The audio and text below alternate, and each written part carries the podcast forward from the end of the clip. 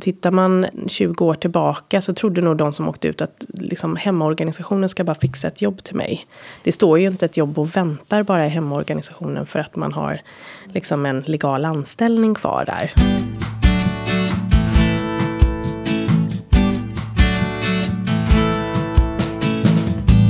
Hej och välkommen till Deloittes Mobility-podd. Podden där vi pratar internationell mobilitet och frågor kopplat till internationell personalförflyttning. Jag heter Martina Junge, jag jobbar som skattejurist på Deloitte och i sju års tid nu ungefär, lite drygt, så har jag jobbat med skattefrågor och socialförsäkringsfrågor kopplat till internationell personalförflyttning. Ja, hej, Johan Sander heter jag. Jag är också skattejurist och partner här på Deloitte. Jag jobbar också med mobilitetsfrågor och eh, skattefrågor, socialförsäkringsfrågor och så vidare. Mm, och idag ska vi ha ett väldigt spännande avsnitt. Eh, jag ser på Johan att han ser lite svettig ut här bredvid mig, nojig som vanligt. Eh, vi vänder blickarna mot västkusten idag och undersöker vilka mobilityfrågor man pratar om där. Hur känner du för det Johan? Ja, men det känns faktiskt intressant för det är ju, hur är det nu? Är det Sveriges framsida? Jag tycker det. Som jag alltid gör lite tvärtom. Nej, vadå?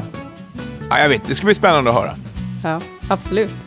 Innan vi börjar så ska vi bara säga att här i podden så pratar vi allmän information. Det är alltså inte information som man ska basera affärsmässiga beslut på. Och vill man ha eh, riktig rådgivning som man kan basera affärsmässiga beslut på, då kan man antingen mejla oss eh, och det kan man göra på mobilitypodden deloitte.se. Eller ska man mejla direkt till mig eller Johan eller till någon annan på företaget som man kanske har kontakt med. Ja, utmärkt. Ja. Härligt.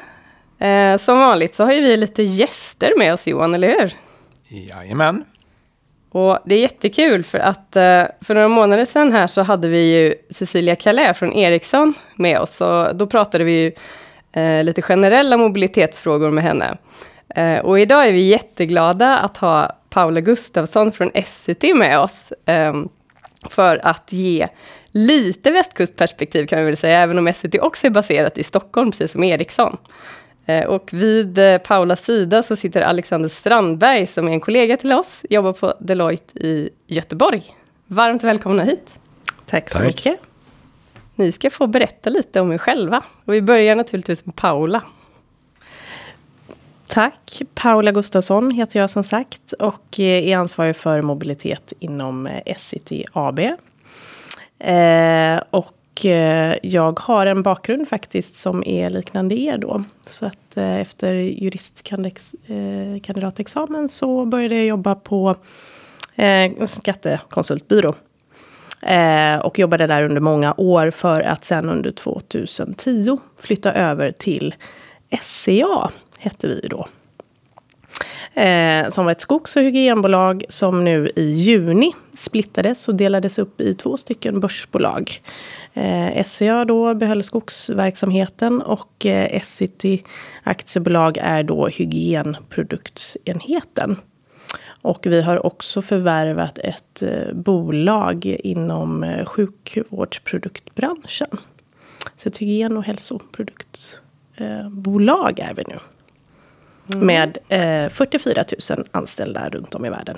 Försäljning i 160 länder. Wow, stort. Ja, mm. ja mm. verkligen. Alexander, vem är du då? Ja, vem är jag? Eh, Alexander Strandberg heter jag. Eh, jag bor i Göteborg, arbetar på Deloitte i Göteborg. Eh, jag ansvarar idag för den här avdelningen som jobbar med global mobilitet i Göteborg där vi hjälper många av eh, regionens företag med frågor kring skatt och socialförsäkring och annat sånt som vi kommer diskutera här idag. Ehm, jag har varit på som sagt på Deloitte i, i 12 år. Jag har arbetat med internationell mobilitet sedan start ehm, och eh, jag var själv faktiskt på secondment till London augusti 2008 till mars 2009 och det var faktiskt jättenyttigt för mig för att jag fick ett, eh, tycker jag själv i alla fall, ett bättre klientperspektiv insåg att allt inte handlar om sex månaders regler, kalendrar och så vidare, utan att man ska ju faktiskt jobba när man är på secondment eller assignment också. Så det var lite kort om mig. Toppen! Ehm, vi vill ju raskt gå vidare och ställa alla våra frågor, särskilt till dig Paula, till dig också naturligtvis Alexander, men, men kunden är ju viktigast, så är det ju bara. Ehm, och Paula, du får jättegärna berätta lite hur ni jobbar med mobility på Essity. Ja, eh, som sagt, vi har ju verksamhet i väldigt många eh, länder runt omkring. Och eh, Eh, mobilitet eller assignment kan ju ha olika eh, anledningar eller upprinnelser. Men eh, inom, inom Essity så är det faktiskt så att alla våra jobb utlyses eh, globalt på vår jobbportal. Eh, oavsett om de är permanenta eller liksom tills vidare eller om det är projektanställningar och så. Och det är där hela egentligen mobility-processen börjar också. Eh, att individer söker sig till de här tjänsterna och sen är det rekryteringsprocessen då som man kanske landar på en individ som har en internationell bakgrund eller bor i ett annat land. Eh, och då finns det ju olika alternativ för hur vi ska rekrytera den här personen då. Så det är väl lite bakgrunden då. Och sen till vår hjälp så har vi ju såklart en, en policy som täcker de olika varianterna av assignments eh, långtida, korttida mm, projekt och lite så. Men trenden som vi ser nu är väl mycket att det går mot eh, lokalanställningar faktiskt. Och eh, hjälp till att komma igång i det nya landet för den anställda. Men, eh, men mer mot det än de här traditionella långtidskontrakten då, som expatriat. Mm. Det är ju en trend som vi också har sett och som även Cecilia Calais nämnde när hon var här för några månader sedan och pratade. Ehm, nu nämnde du policy, det tycker jag är intressant. Eh, det är lite sådär, alla har inte en policy, alla måste inte ha en policy, eh, men många har det. Och vad tycker du är fördelarna med att ha det och eh, varför ska man ha det? Jag tycker det är bra att eh, vara rätt transparent. Eh, vår policy ligger öppet på vårt intranät så att alla kan eh, ta till sig den och läsa om den oavsett om man eh, är expatriat eller blir eller är anställd och funderar på det. Och det tror jag ger en trygghet för alla inblandade. Att det är ingenting som sker bakom låsta dörrar utan, utan det är öppet. Det tycker jag är bra. Och sen är det ju såklart att när den här policyn, när vi har skrivit och, och omarbetat den under tid. För det tror jag är viktigt, liksom, att när du väl lägger en policy så, så tänker du på väldigt många olika aspekter. Eh, och du, du kan liksom inte bara stigmatisera den utan du måste fortsätta och vidareutveckla den allt eftersom regelverk förändras eller företagsklimat eller vad det nu kan vara. Eh, men det är skönt att luta sig tillbaka mot den. Och du har också mycket i en policy som kan handla om företagsvärderingar till exempel. Um, så jag, jag, tycker det, det är um, tryggt och bra och blir en stabilitet och en transparens med en policy. Sen finns det givetvis undantag. Du, du nämnde här att, att ni jobbar med eh, lokala anställningar och transfers mm. eh, och inte med långtidsutsändningar. Hur skiljer det sig åt? Vad är det för olika förutsättningar om du jämför de två? Ja, alltså mycket handlar ju såklart om en, en kostnadsfråga. Eh, också som vi har haft mycket kostnadsfokus de sista åren. Eh, och där är väl liksom trenden att tidigare upplevde jag det att det var bara viktigt att vi skulle skicka iväg den här personen. Det spelar liksom ingen roll vad det kostar, man var inte så intresserad av det. Eh, sen så fick vi ett kostnadsfokus på oss som blev att det var det som jag tryckte ut då, liksom att eh, rekryterande chef och, och, nästa nivå och så var tvungna att skriva på eh, kostnad, kostnaden och då blev det mer och mer aktuellt. Och det är klart att jämför du det med en lokalanställning då, för det är lite så vi lägger upp det, liksom, vad skulle en lokalanställning på den här nivån kosta i förhållande till ett expatriatupplägg? Då blir det ju ganska tydligt att det, att det blir en, en lägre kostnad med lokal. Eh, men sen givetvis så så hjälper vi då till med att säkerställa att det finns eh, arbetstillstånd och visum och hjälp att hitta boende och komma igång i det nya landet under de första månaderna då. Men sen blir man självgående. Men det kan ju också ha att göra med vad är det för typ av jobb? Är det, är det här ett, ett liksom tills vidare jobb? Eller är det liksom en projekt där vi ska öppna upp nu ett nytt land eh, och behöver hjälp under initialt två till tre år? Då finns det en annan plan. Eller är det en individ som vi vill testa karriärmässigt på en viss roll? Då finns det liksom en, en vidare plan också. Så det beror lite på. Så, så de, de som lokalanställs, de faller utanför policyn? Kan man säga så? Ja, då har vi en, en um, foreign hire policy, kallar vi den då. Som egentligen uh, sätter ett ramverk för vad mm. vi uh, kan eller bör eller så hjälpa till med vid de uh, rekryteringarna. Men det är ju egentligen initial hjälp så att efter några månader så är de självgående och de är bara på ett lokalkontrakt. Liksom. där finns inte den här långsiktiga planeringen på samma sätt som när du skickar ut någon på assignment. Då ska du lite ha koll på nästa steg. Och... Just det här med repatriering och pensioner och sånt. De går ur svensk pension då. De har ingen tjänstepension hos er utan de lämnar. Precis, då ja. lämnar de helt liksom och går på en lokalanställning med de villkoren okay. då. Pensionsplaner och sånt. Mm. Är det ändå en tidsbegränsad eh, lokalanställning eller är det precis som vilken lokalanställning som helst? Ja, då brukar det vara liksom tillsvidareanställningar mm. då. Eh, för det är klart, det skulle vara något liksom kortvarigt. Vi kan ju lägga ut till exempel en, en föräldraledighet eh, också då på vår jobbportal. Och då kanske man ser om någon ska fylla i för någon annan under bara ett års tid. Då eh, blir det lite väl höga krav att kräva en lokalanställning. Liksom, mm. kanske. Så det beror lite på situationen. Då. Mm. Hur ser ni på um, repatrieringen? Mm. Um, när det är just det lokalanställningarna. Finns det ingenting då, då är det upp till var och en att söka en tjänst som passar och så vidare om man vill komma tillbaka. Till... Precis, då är det helt öppet. Då mm. finns det liksom ingen, eh, inget hängsle kvar till hemorganisationen. Så. Eh, men där tror jag också att eh, ehm, det lite har förändrats. Jag tror att tittar man eh, 20 år tillbaka så trodde nog de som åkte ut att liksom, hemmaorganisationen ska bara fixa ett jobb till mig. Eh, och det ska vara liksom, nästa nivå och så, så. Man hade väldigt mycket krav på det. Nu har det blivit en helt annan självständighet i det. Så man lägger eh, det här på den anställde faktiskt. Att liksom, tänka själv lite på på nästa steg och vad man vill och så.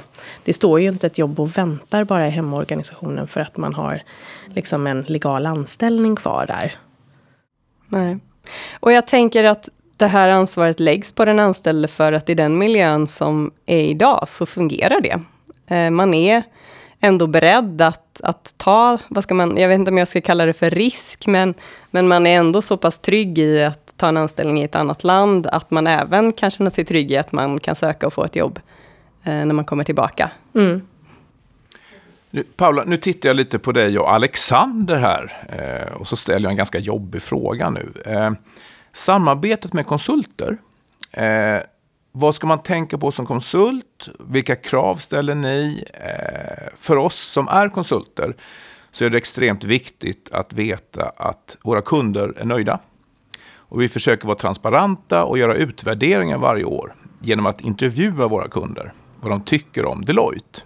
Så om jag ställer frågan till dig då Paula, eh, hur ser du på samarbete med konsulter? Vad är det man ska tänka på? Vad är viktigt? Mm. Eh, jag tror att det kan vara lite olika beroende på vilken, man, vilken bakgrund man har alltså som, som kund faktiskt. Är man helt grön på området så behöver man support och då kanske man vill ha mycket liksom, utredningar på papper och lite sådär att hålla sig i. Um, när man kommer själv från konsultbranschen som jag så uppskattar jag den här liksom, öppna dialogen uh, och mer prata med varandra och komma fram till Eh, lösningar den vägen istället för ett PM på tio sidor som hamnar i en perm och som inte läses någon mer.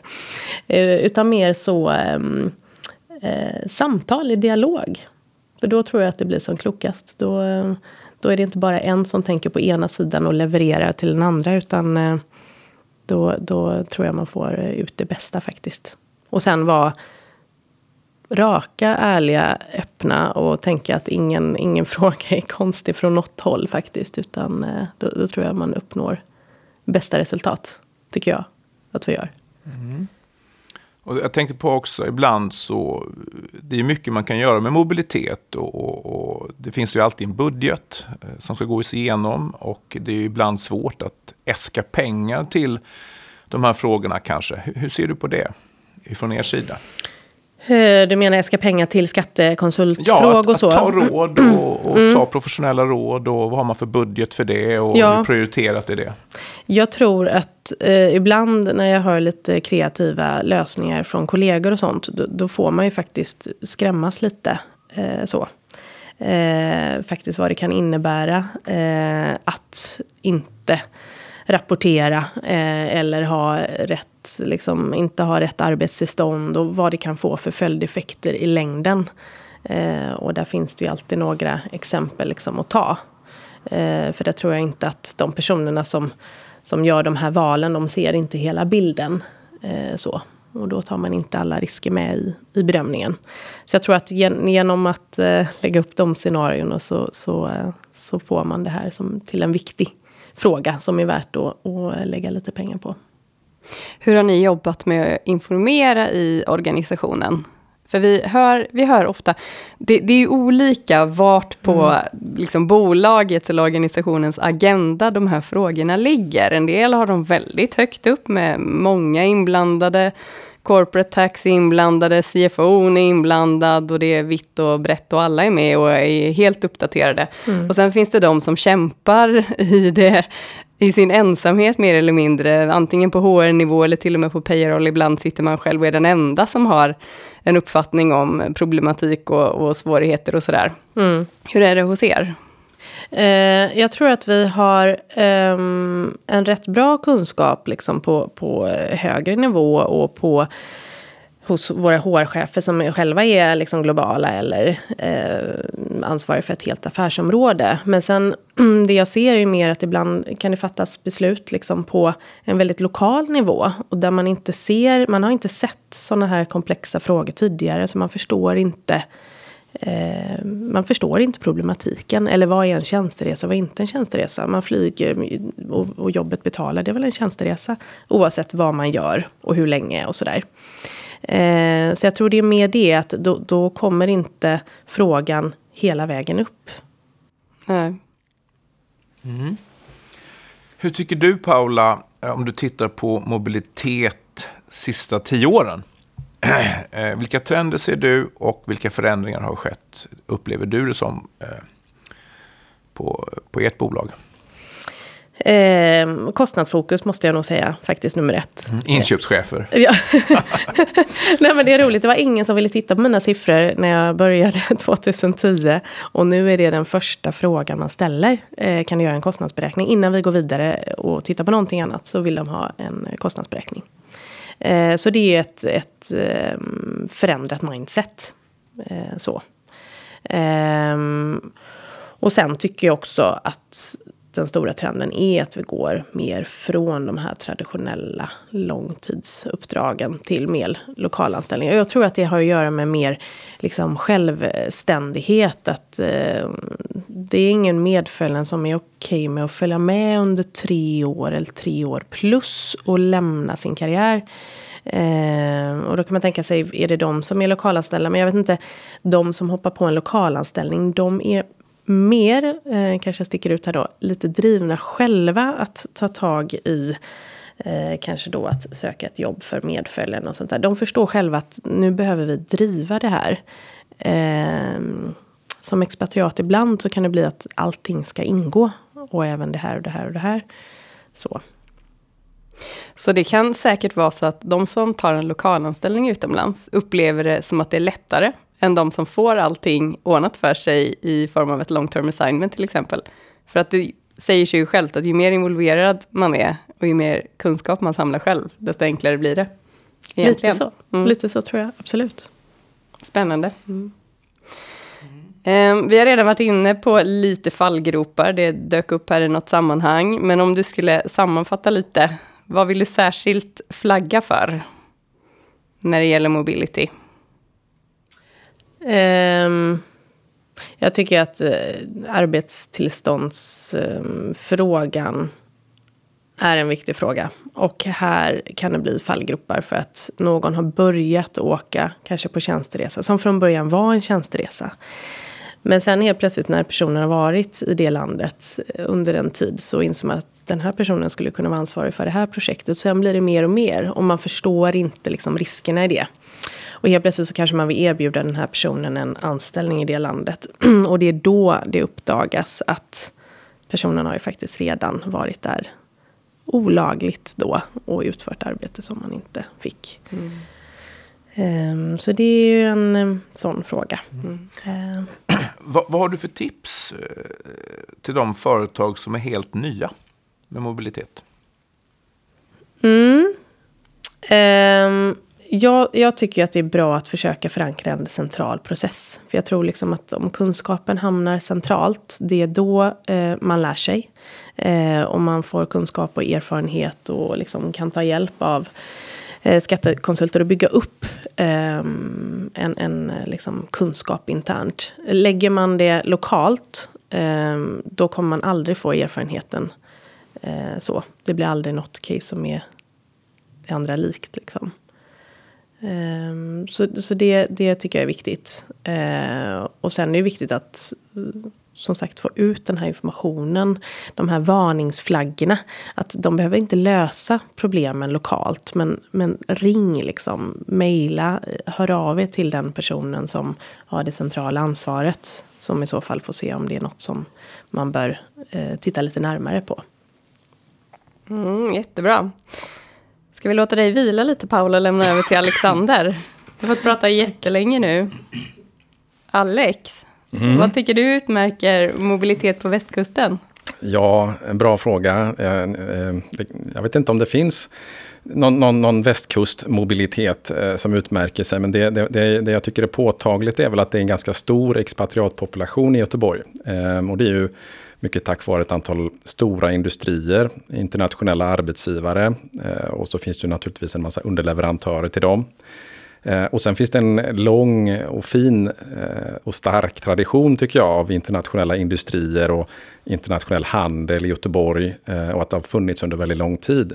Så att jag tycker att, att det finns en ganska stor mognad och medvetenhet hos många av de här organisationerna när det gäller frågor kring internationell mobilitet. Jag tycker det, det, den bilden förstärks när jag hör Paula berätta om hur de jobbar med, med, med mobilitet och var de befinner sig. Eh, och sen tycker jag också att det finns en ganska stor öppenhet mellan de här organisationerna eh, i, i Göteborgsregionen där man hjälps åt och man delar erfarenheter och jag ser till och med att man genomför vissa projekt gemensamt.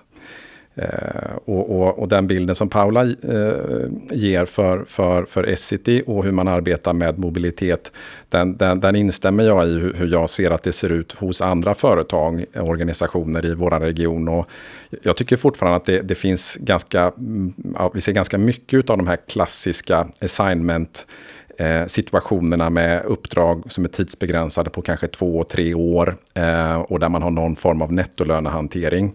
Men, men självklart ser vi väldigt mycket mer också av de här mm, lokalanställningarna i olika former, internationella lokalanställningar.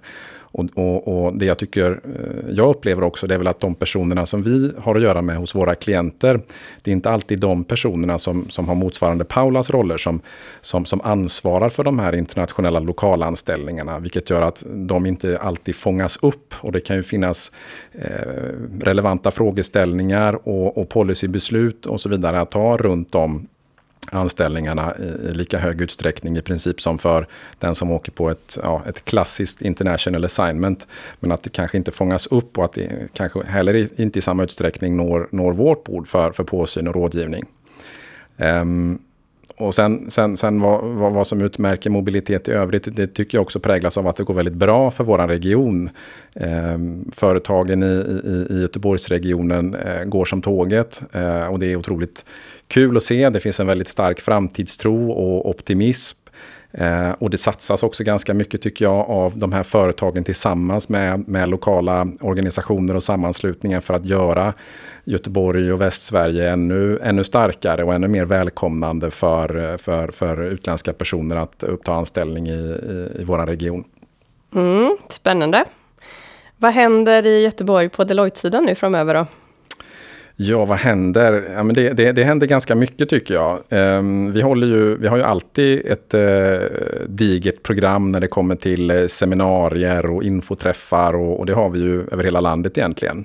Eh, vi har under hösten så har vi bland annat haft vår årliga skattedag som var väldigt välbesökt. Jag tror vi hade 100 eller 120 deltagare på den. Vi har haft eh, seminarium kring månatliga kontrolluppgifter som vi ju alla kommer påverkas av, eh, vare sig vi vill eller inte, från och med antingen sommaren eller början på nästa år. Sen hade vi ett eh, tjänstereseseminarium som egentligen fokuserade på eh, förslaget från Skatteverket att införa ett eh, ekonomiskt arbetsgivarbegrepp i, i, hur vi tolkar våra skatteregler till skillnad från det här legala eller formella arbetsgivarbegreppet som vi har idag, eh, vilket är väldigt intressant och påverkar oss alla som jobbar med de här frågorna. Eh, vi har haft en hel del workshops kring Global Workforce. Eh, och jag tror att i övermorgon så håller vi vårt kontrolluppgiftsseminarium som också är en sån här årligt återkommande aktivitet. Eh, och sen har vi lite juluppehåll och i mars så har vi en grundkurs i global mobilitet. Den hålls ju också här i Stockholm.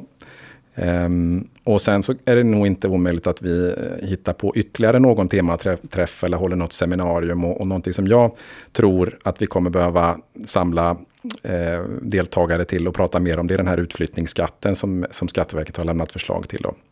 Eh, så det är lite vad som händer mm, utåt sett sådär. Eh, sen händer det ju alltid mycket. Just nu är det ju full fart att få saker på plats inför eh, årets slut med, med, inför att stänga lönehantering och lämna kontrolluppgifter så småningom och, och sådana saker. Så vi håller oss sysselsatta. Bra.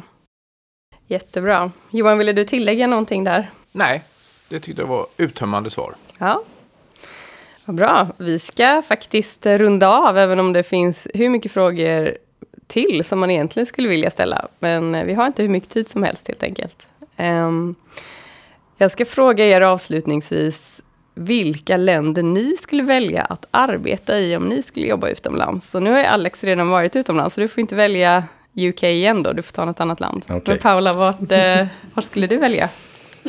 Ehm, jag har faktiskt varit på assignment i, i Schweiz en gång. och skulle mycket gärna kunna tänka mig att återvända dit. Eh, framförallt för att jag tycker att det ligger så strategiskt eh, bra. Du har närhet mm. till allt och sen har du fantastisk skidåkning eh, bara utanför knuten. Mm. Eh, så det tycker jag är jättehärligt. Och ett annat alternativ är ju Sydney, Australien. Mm. Ja, bra fråga. Eh, jag blir lite färgad av det du säger Paula. Jag, jag, gillar ju både att spela golf på sommaren och åka skidor på vintern och är lite trött på det här konstanta hösten som finns i Göteborg idag. Så att jag hade tyckt att Schweiz var tilltalande också.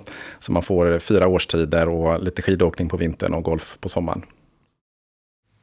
Mm. Jag hakar på helt enkelt. Bra val tycker jag. Johan, jag har aldrig frågat dig. Nej, jag, jag, svårt tycker jag. Det finns väldigt många bra val nu tycker jag, nu för tiden. Mm. Jag var ju själv faktiskt på assignment 1997 i London. Eh, det var länge sedan, men eh, väldigt roligt. Jag gillar ju England och eh, det jag är lite bekymrad över faktiskt, om, om man säga riktig noja, det är ju vad som händer efter Brexit. När man mm. är icke-brittisk medborgare och ska komma dit. Vad händer då med migrationsfrågorna? Mm. Det kan bli spännande. Ja, absolut. Det får vi se då. Ja, Men kanske... jag har inget favoritland direkt. Jag gillar ju mat. Italien. Mm. Kanske.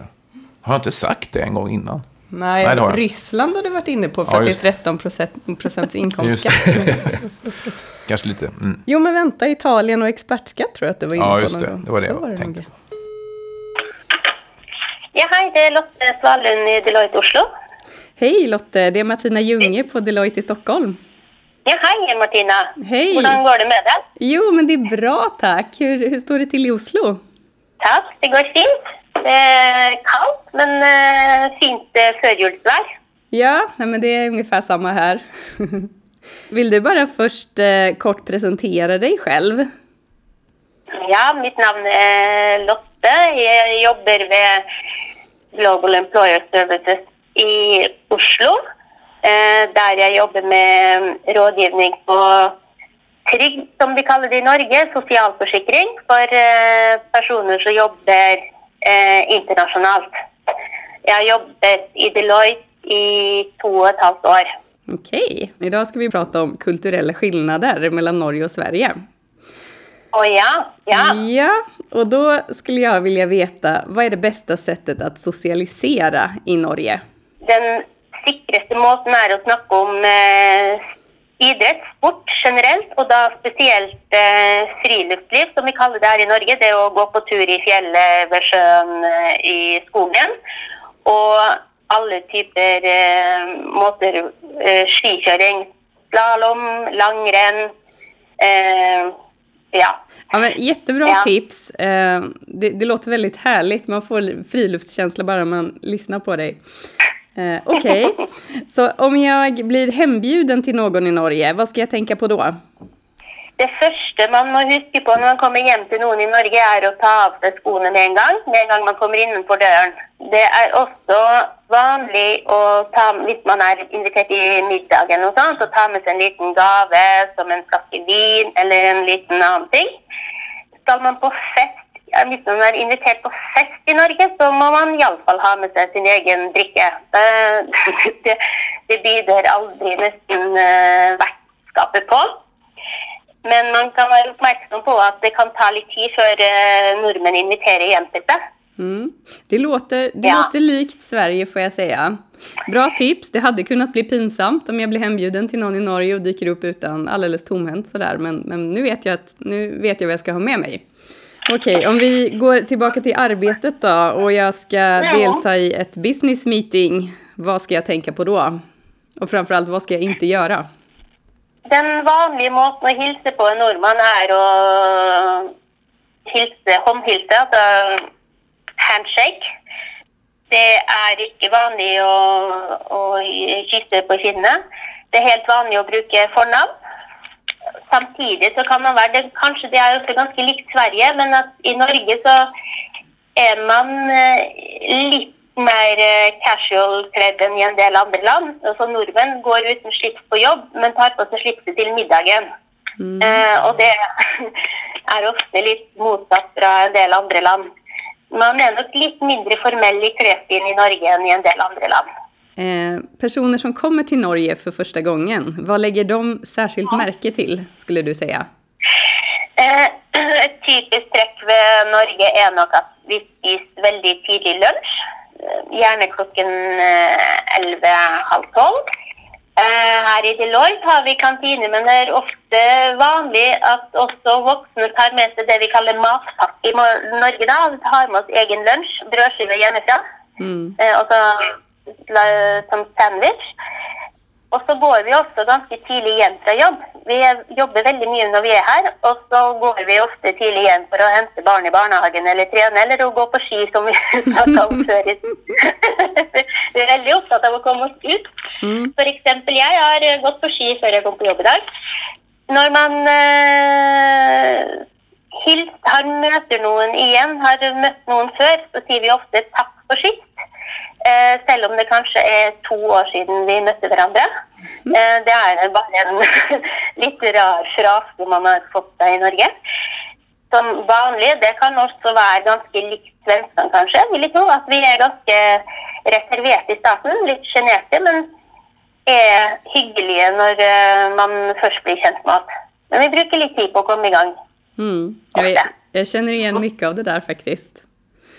Ja, jätteroligt att få höra. Mhm.